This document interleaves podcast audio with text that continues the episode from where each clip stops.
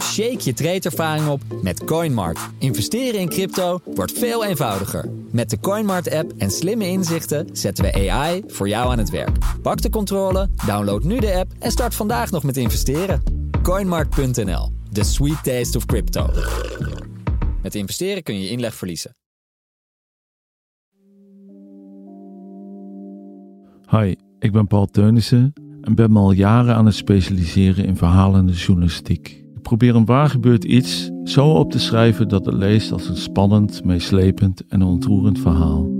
Zoals dat van Alistair, 51 jaar oud, die in Oude Kerk aan de Amstel woont en de grote verantwoordelijkheid voelt om voor zijn dementerende vader in Londen te gaan zorgen.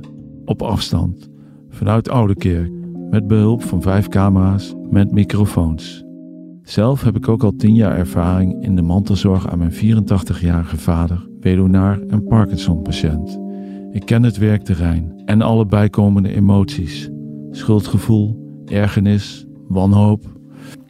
Ik probeer altijd veel tijd met mijn hoofdpersoon door te brengen, zodat ik hem door en door leer kennen. In geval van Alistair was dat niet eenvoudig, omdat hij, een wat conservatieve Engelsman, moeite had met het uiten van zijn gevoelens. Liever maakte hij zich ervan af met een grappige one-liner. Na verloop van tijd begon me wel op te vallen dat hij eigenlijk hartstikke nerveus was de hele dag door. Dat er niemand belde, dat hij geen bezoek kreeg. Hij had zijn werk een half jaar eerder opgezegd om zich volledig voor, op zijn vader te kunnen richten. Dus eigenlijk draaide zijn hele leven alleen nog maar om de zorg van zijn vader. Ik ben dus met hem naar Londen gegaan en ik heb zijn vader ontmoet. Ik ben het huis geweest dat ik kende van de camerabeelden. Ik heb vrienden van hun gesproken. Zo kon ik een heel beeld van dat gezin krijgen. Wat me heel erg opviel tijdens onze gesprekken, is dat hij steeds meer naar die camera keek. En dan had iets gezegd tegen zijn vader en daarna schoof hij die telefoon wild van zich vandaan. Omdat hij, ja, hij had er echt genoeg van. Maar als er dan weer een piepje ging, dan keek hij toch weer. En ja, na verloop van tijd begon ik wel af te vragen: is dat goed voor iemand? Hè? Hoeveel moet je zien van je dementerende ouder?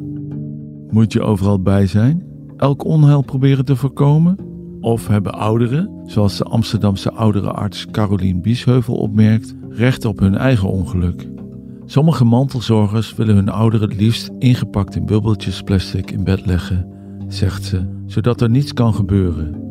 In het andere uiterste laat je iemand in zijn onderbroek de deur uitstappen. Ergens daartussen moet je zeggen: wat doe ik wel en waar moet je loslaten? Dus dit is mijn verhaal. Hey pap, pak de naald en geef jezelf een injectie, ingesproken door Sander de Heer.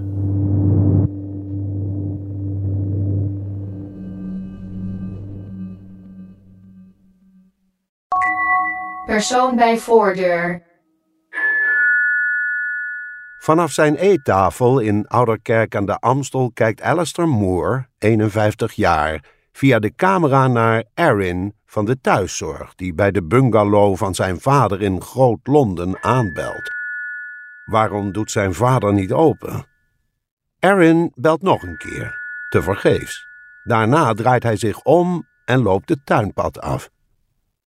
Wat nou? Erin moet naar binnen, zijn vader helpen. Zorgen dat hij zijn injectie tegen zijn beenmergziekte krijgt. Erop toezien dat hij de juiste medicijnen inneemt. Aan de muur boven de pillendispenser hangt een wit vel waarop hij alle pillen heeft geplakt, met plakband. Zijn vader kan precies zien op welk tijdstip hij welke moet innemen. Maar de apotheek verandert soms van merk, zodat de pillen een andere vorm of kleur hebben. Medicijnvergiftiging kan voor zijn vader ernstige gevolgen hebben. Aaron loopt de straat op en verdwijnt uit beeld. Waarom belt Aaron hem niet? Misschien is er wat met zijn vader gebeurd. Als er iets niet in orde is, moeten ze contact met hem opnemen, ook al woont hij in Ouderkerk aan de Amstel. Alistair is de enige verantwoordelijke, enig kind. Het zit in de familie. Zijn vader was het en zijn moeder Peggy in wezen ook. Haar Ierse moeder bracht haar naar het tehuis toen ze een nieuwe vent kreeg.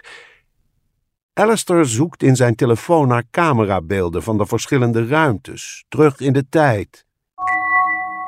Tien over half negen ochtends. Persoon beweegt in keuken. Persoon beweegt in woonkamer, persoon bij voordeur. Zijn vader loopt om kwart voor negen doodleuk de deur uit. Even later ziet hij hem in zijn oude Mitsubishi Lancer passeren. Hij belt hem. Waar ben je naartoe? Laten prikken. Waarom heb je dat niet gezegd? Aaron van de thuiszorg kon er niet in. Ik heb zijn baas gebeld en een klacht ingediend. Ik moet altijd weten waar je bent. Oh, sorry. Heb ik het weer verknald?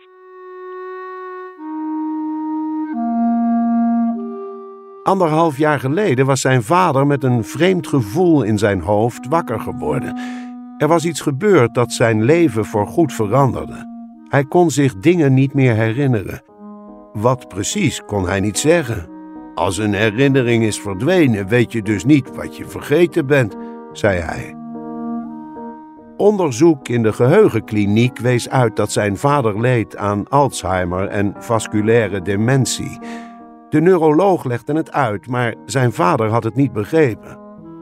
Hij sprak met een zwaar Indiaas accent dat ik niet verstond. Het is nog erger dan Schots, zei hij over de telefoon tegen zijn zoon.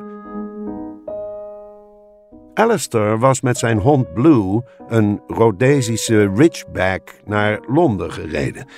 Hij las de brief met de diagnose en legde het aan zijn vader uit. Die hoorde het met een treurig gezicht en hangende schouders aan. Hij richtte een werkplek in zijn vaders huis in.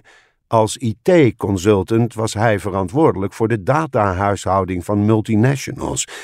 Zijn werk bestond grotendeels uit het houden van videocalls met IT-teams wereldwijd. Hij blurde zijn achtergrond zodat zijn collega's zijn schuifelende vader niet zagen. Na twee weken nam hij afscheid van zijn vader. Kun je niet altijd hier blijven en voor me zorgen? vroeg die. De opmerking trof hem in zijn hart, maar hij moest naar huis. Zijn vijftienjarige dochter Pepper had zijn aandacht nodig. Ze had een moeilijke periode achter de rug met een verbroken liefde. Hij deelde de opvoeding met zijn ex, Sylvia. Hij keek nog even naar zijn vader, die met geheven arm in de deuropening stond. De eerste kilometers onderweg naar huis waren een strijd tegen de tranen. Zijn vaders ziekte zou steeds ernstiger vormen aannemen. Hij was alles gaan lezen over de verschillende stadia van dementie, over de gevaren voor een alleenwonende patiënt. Zijn vader was gebeld door een bankmedewerker met een nette stem die vroeg of hij een televisie had besteld, want er was een bedrag van zijn rekening afgeschreven. Zijn vader zei dat hij helemaal geen tv had gekocht, waarop de nette man uitlegde dat er was gefraudeerd met een van zijn vier creditcards. Hij zou een koerier sturen om ze op te halen. Zijn vader had ze netjes in een envelop meegegeven, inclusief pincodes. Oplichters. Na dit voorval installeerde Alistair gespreksscreening op zijn vaders telefoon. Een computerstem vroeg de beller om zijn naam. Deze werd doorgegeven aan zijn vader. Wilt u deze beller accepteren? Het werkte. Zijn vader werd niet meer over de telefoon lastiggevallen. Alistair wilde zijn vader hetzelfde gevoel van veiligheid bieden als hij in zijn jeugd had ervaren. Toen hij na ruzie met een lokale bende met een toegetakeld gezicht was thuisgekomen, oké, dat doet de deur dicht, zei zijn moeder, hadden ze het huis in Forest Hill verkocht en waren naar het betere Bromley getrokken. Alistair ging naar de gerenommeerde privéschool St. Dunstan's en werd lid van de rugbyclub, net als zijn vader en grootvader. Zijn vader woont er nu alleen. Peggy is zes jaar geleden overleden, uitgezaaide kanker aan haar ruggenmerg. De laatste vijf dagen was ze thuis, had Alistair haar verzorgd en de morfine toegediend. Zijn vader kon het niet, die bleef in zijn werkkamer. Die allerlaatste nacht aan haar bed zei Alistair wat hij al lang had willen zeggen, maar wat ongebruikelijk was in hun gezin. Ik hou van je, mam. Ik ook van jou, jongen. De volgende ochtend was hij van de logeerkamer, die hij die laatste dagen met zijn vader deelde, naar de hare gelopen. Hij zag het meteen. Mama is dood. Oh. Zijn vader bleef in zijn stoel zitten. Die kon niet met het verdriet overweg. Niet toen zijn eigen vader longkanker kreeg, niet toen zijn vrouw ziek werd en ook niet nu hij zelf de dementie heeft. Zijn vader is meer het type dat als hij hoort dat zijn arm eraf is, zegt: Geef niet, ik heb er nog één. Alistair's huis in Nederland hangt vol met technische snufjes. Als hij zijn hand voor de vuilnisbak houdt, gaat die vanzelf open.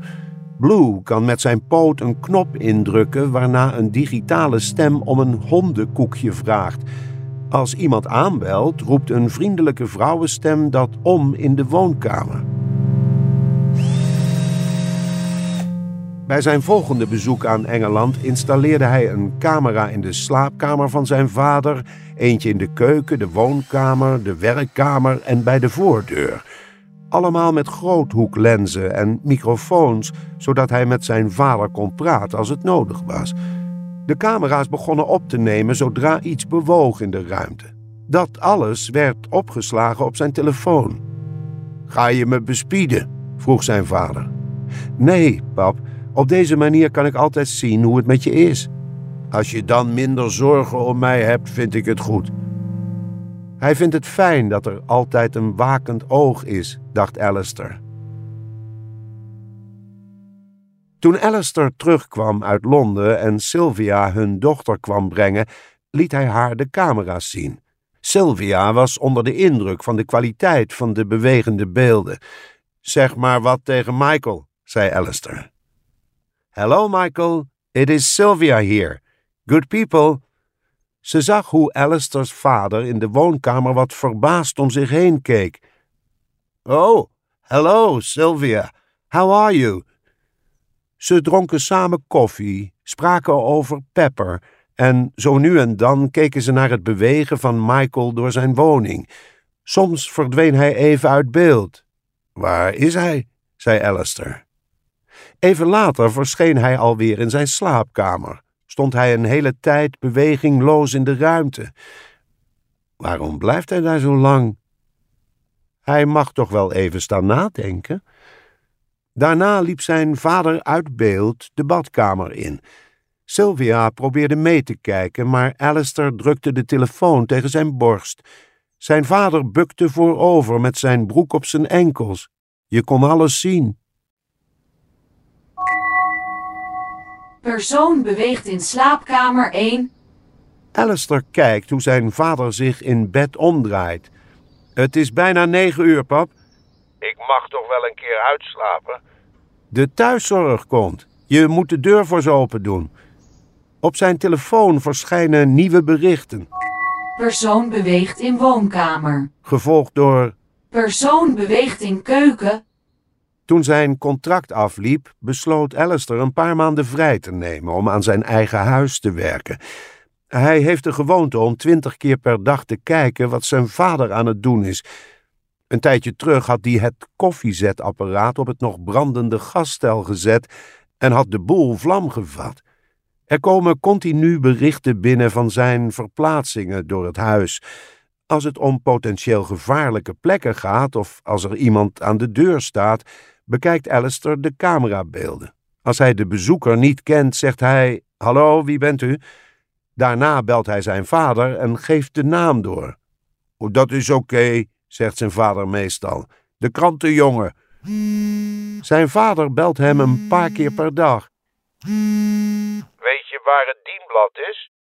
Alistair kijkt de beelden in de keuken terug en ziet hoe zijn vader alle laden en kastjes opentrekt, maar juist die ene la waar het dienblad ligt niet, in de la waar hij hoort te liggen.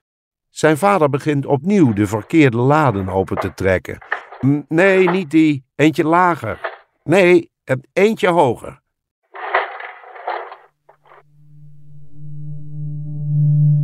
Die ene ochtend waar hij niet graag aan terugdenkt, had hij ook op zijn telefoon gekeken. Persoon beweegt in slaapkamer 1. Alistair zag zijn vader zich in bed omdraaien. Even later was de schoonmaakster aan de deur gekomen. Alistair had dit bericht gemist. Omdat vader niet opendeed, had ze de sleutel bij de buren gehaald. Toen ze binnenkwam, zag ze dat het mis was. Een kwartier later werd zijn vader met de ambulance naar het ziekenhuis gebracht. Een hartaanval, zei ze over de telefoon. Toen wist Alistair dat het plaatsen van de camera's een goede beslissing was. Als de schoonmaakster niet was gekomen, had hij na een half uur weer op zijn telefoon gekeken. Als zijn vader nog roerloos in bed had gelegen, had hij de ambulance gebeld. Alistair had wekenlang bij zijn doodzieke vader aan bed gezeten. Longontsteking, bloedvergiftiging. Waarschijnlijk door rotte kip, schadelijke bacteriën die in zijn longen waren terechtgekomen. Ze spraken met de arts af dat, als het zover was, ze zijn vader niet zouden reanimeren. Wonder boven wonder was hij na zes weken zo goed hersteld dat hij weer naar huis kon. Onderweg vroeg Alistair zijn vader of hij niet bij hem in Ouderkerk wilde komen wonen. Konden ze gewoon met elkaar praten in plaats van via de camera. Nog een mooie tijd samen hebben, Pepper, Michael en hij. Goed, misschien is dat het beste, zei zijn vader. Alistair was opgelucht. Dan hoefde hij niet langer heen en weer te reizen. Daar moest hij toch mee stoppen als hij weer aan het werk ging. In zijn branche vroeg je geen vrij om voor je vader te zorgen. Hij miste het werk, het ritme, collega's. Zijn wereld was klein geworden. Hoe sneller zijn vader naar Nederland zou komen, hoe beter. Nu zijn geheugen nog redelijk goed was, kon hij wennen aan een nieuwe omgeving. In zijn eentje in Londen zou zijn vader snel aftakelen en uiteindelijk zichzelf verliezen. Hij vroeg Pepper hoe zij het zou vinden als opa bij hen in een huisje in de tuin zou komen wonen. Ze wilde er een paar nachten over slapen, zei ze. Ze hield veel van haar opa. Eerder mailden ze elkaar, maar sinds een paar maanden kreeg ze geen antwoord meer. Hij heeft zijn hele leven in dat huis in Londen gewoond, bij zijn vrienden en de rugbyclub. Waarom moet hij nu bij ons komen wonen? En tot wanneer? Tot hij naar een tehuis moet? Straks gaat hij ineens dood en staat dat gebouw waar hij stierf hier in de tuin. Alistair legde haar uit dat als opa daar iets over kwam, hij hem niet kon helpen. Als hij bij hen kwam wonen, wel. Konden ze eindelijk weer familiedingen doen, het weekend erop uitgaan, Sylvia en haar moeder meevragen en als een grote familie op pad. Later, als het slechter met hem zou gaan, hij zichzelf niet meer kon verzorgen, zouden ze uitkijken naar een verpleeghuis. Vond ze dat goed? Pepper was het belangrijkste. Ze had nog een heel leven voor zich. Ze mocht geen schade oplopen door het wangedrag van zijn dementerende vader. Pepper stemde in. Ze zag hoezeer de zorg voor zijn vader hem in beslag nam. Dat heen en weer reizen putte hem uit. De zorg voor zijn vader ontnam haar de haren. Alistair verkeert de hele dag in staat van paraatheid. Soms schuift hij zijn telefoon van zich vandaan, maar zodra het bericht persoon beweegt in keuken verschijnt, kijkt hij toch. Zijn vader en de verzorgende staan bij de pillendispenser. De verzorgende, een vrouw over wie hij toch al zijn bedenkingen heeft, is bezig pillen uit een flesje te halen om aan zijn vader te geven. Verkeerde pillen. Uh, ho, stop, roept hij door de microfoon. Wat doe je? De verzorgende kijkt in de camera. Je vader gaf me dit flesje. Mijn vader is zijn verstand aan het verliezen. Je moet hem alleen de pillen uit de dispenser geven.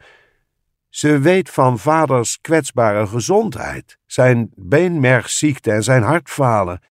Het is de zoveelste aanvaring met de verzorgenden. Elke vrijdag moeten ze de koelkast controleren op eten dat over de datum raakt. Voedselvergiftiging kan fataal worden. Laatst vond hij kant-en-klaar maaltijden die drie weken over de datum waren. In de broodtrommel lag groen uitgeslagen brood. Zijn vader let er niet op. Die pakt gewoon wat en eet het op. Vorige week zag hij na het bericht persoon aan voordeur de verzorgende na het aanbellen de deur openduwen. Zijn vader had niet opengedaan. Die deur was dus de hele nacht niet op slot geweest. Ieder kwaadwillend persoon had zo naar binnen kunnen lopen. Elke keer diende hij een klacht in bij de particuliere zorginstelling, die hem 1500 pond in de maand kostte, maar verbetering kwam er niet. Een dag later wilden ze een invaller sturen omdat de vaste verzorgende met vakantie was en de ander griep had. Alistair wilde geen vreemde gezichten in huis die zijn vader van zijn stuk brachten. Laat maar, zei hij, ik doe het zelf wel. Zijn vader hoorde hem uitvallen tegen de thuiszorgmedewerker. Hoe gaat het eigenlijk met me, Alistair? Wat moest hij zeggen? Hij keek in de keukencamera naar de vragende blik van zijn vader. Je doet het heel goed, pap. Je bent 85, je bent mobiel, zorgt zelf voor je eten. Kijk hoe je vrienden op de rugbyclub eraan toe zijn. John heeft Parkinson en krijgt zijn eten niet meer in zijn mond. Gary heeft darmkanker en loopt met een stoma. En David valt steeds flauw vanwege zijn lage bloeddruk. Alle drie slikken ze een hele hoop pijnstillers. Jij niet. Jij hebt geen pijn. Het gaat goed. Om negen uur 's ochtends zei Alistair via de microfoon op de keukencamera tegen zijn vader dat hij naar de koelkast moet lopen. Eh, Alistair, ben jij het, jongen? "N- Natuurlijk, pap. Pak de naald en geef jezelf een injectie. Hij moest duidelijke opdrachten geven, geen ruimte laten voor twijfel. En neem nu je medicijnen. Hij keek hoe zijn vader zat te hannessen met het bakje van de machine. "Eh, Je moet het kantelen, pap. Oh, kom op, kantelen. Toen leek zijn vader het te begrijpen en vielen de tabletten op het keukenblad. Na elf uur werd het kalm. Zat zijn vader in zijn leunstoel in de werkkamer voor het grote scherm sport te kijken. Hij betaalde 180 pond per maand voor alle sportkanalen. Soms verscheen het bericht, Persoon beweegt in woonkamer. gevolgd door Persoon beweegt in keuken. zag hij zijn vader een pak koekjes pakken. Altijd en eeuwig die koekjes. Daarna nestelde zijn vader zich weer in zijn stoel, net als de dag ervoor. Alle dagen van zijn vader verliepen identiek, op de minuut af, altijd in zijn eentje in die stoel, kijkend naar sport, bij voorkeur rugby. Persoon in woonkamer. Persoon in keuken. Alistair keek weer op zijn telefoon. De keukendeur stond open. Zijn vader was nergens te zien. Wat was hij aan het doen? Het was half vier. Waarschijnlijk een maaltijd halen uit de koelkast in de garage. Moest zijn vader drie treden af. Met die regen waren ze spiegelglad. Hij bleef de keukendeur in de gaten houden. Waar bleef zijn vader nou? Dat hoefde toch maar even te duren. Was hij iets anders aan het doen? Zag hij net via de voordeurcamera de buurvrouw haar vuilnis naar de straat brengen? Wat voor dag was het? Woensdag. Morgenochtend werd het opgehaald. Hij moest straks in Londen een camera in de achtertuin plaatsen en iets doen aan de dode hoek in de hal bij de voordeur. En zijn vader zeggen dat de struiken in zijn tuin waren verwijderd om ruimte te maken voor zijn huisje. Hem eraan herinneren dat hij naar Ouderkerk komt. Soms lijkt zijn vader in de volgende fase van dementie beland. Alsof de emmer vol is en elke nieuwe gedachte een andere verdrijft. Hij wil met hem over de auto praten. Zijn vader rijdt veel te langzaam. Achterliggers zitten boven op zijn bumper. Hij kan de afstand tot geparkeerde auto's niet inschatten. Waarom moet hij nog in de auto stappen? Zijn vrienden pikken hem thuis op als ze op zondag naar de rugbyclub gaan. De buurman haalt alle verse boodschappen.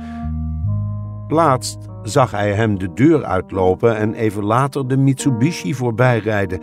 Kwam hij een half uur later terug met een paar boodschappen onder zijn arm. Persoon bij voordeur. Persoon beweegt in woonkamer. Persoon beweegt in keuken. Daar stalde hij de boodschappen uit. Alistair zag hem ernaar staren. Toen draaide zijn vader zich om.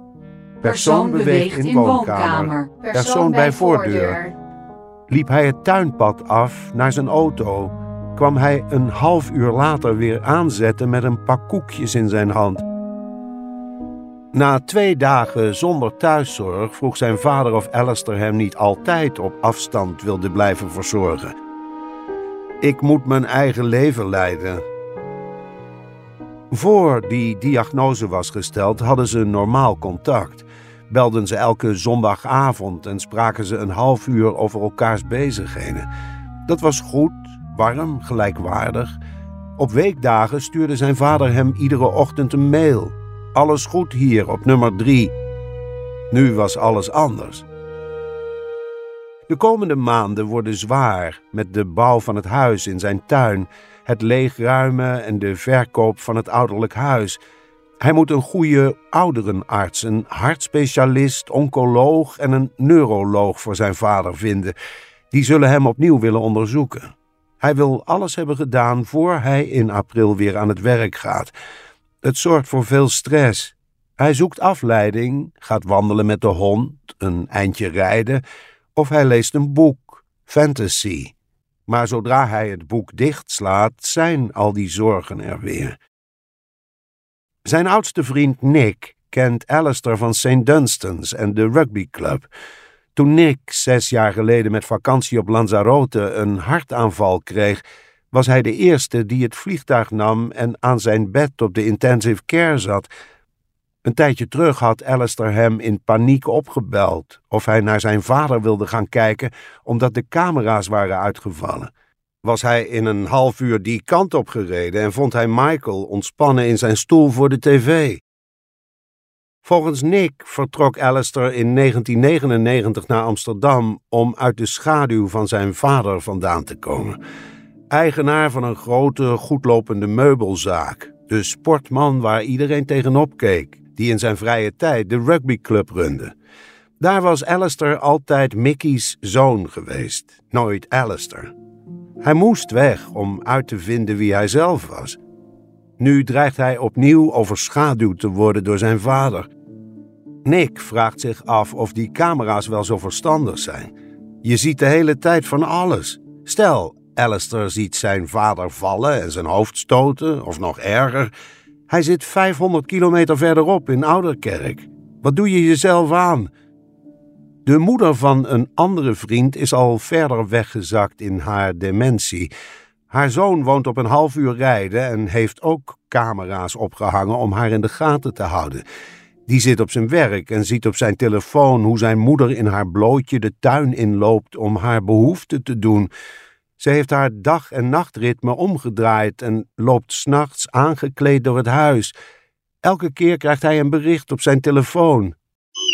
Drie uur s'nachts, persoon beweegt door woonkamer. Zijn moeder hoort in een tehuis voor mensen met dementie, maar ze heeft geen eigen vermogen. En haar zoon wil niet de jaarlijkse benodigde 60.000 pond betalen. Alistair kan niet wachten om zijn vader naar Ouderkerk te verhuizen.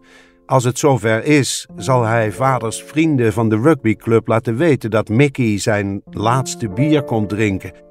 Hij wil er geen groot vaarwel van maken, geen spandoeken, gewoon samen wat drinken. Er zal een wedstrijd zijn die voor afleiding zorgt. Zijn vrienden zullen vast iets willen zeggen of zingen, maar laat het niet te uitbundig zijn. Dat past niet bij een afscheid als dit. De laatste keer dat hij zijn vader over de verhuizing sprak, zei hij dat hij hier voorlopig nog goed zat. Ik zeg ook niet dat je moet verhuizen zodra het huis af is. Je mag het zelf bepalen. Ik wil gewoon dat we klaar zijn als het nodig is. Je weet wat de weg is, dat die zal eindigen in een verpleeghuis, pap. Bij ons kun je langer thuis wonen. Mijn geheugen is nog prima. Je kunt me vragen wat voor dag het is. Maandag. Dat zal over een tijdje veranderen. Ik leef nu. Ik heb geen zin om me al zorgen te maken over hoe ik er over een jaar aan toe kan zijn. Alistair stelt voor om samen een video op te nemen waarin ze afspreken wanneer het moment komt dat zijn vader niet meer zelfstandig kan wonen. Als het zover is, kunnen ze de video terugkijken. Voorlopig zal hij de zorg via de camera's blijven doen.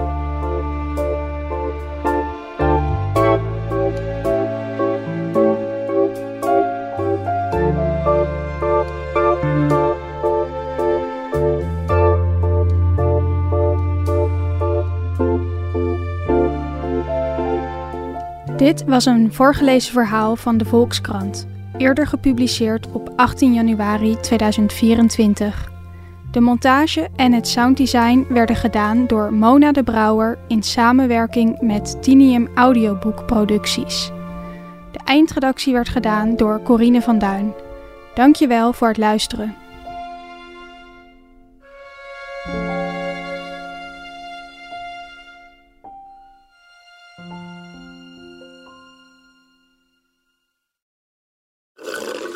Je tradeervaring op met CoinMart. Investeren in crypto wordt veel eenvoudiger. Met de CoinMart-app en slimme inzichten zetten we AI voor jou aan het werk. Pak de controle, download nu de app en start vandaag nog met investeren. CoinMart.nl, the sweet taste of crypto. Met investeren kun je inleg verliezen.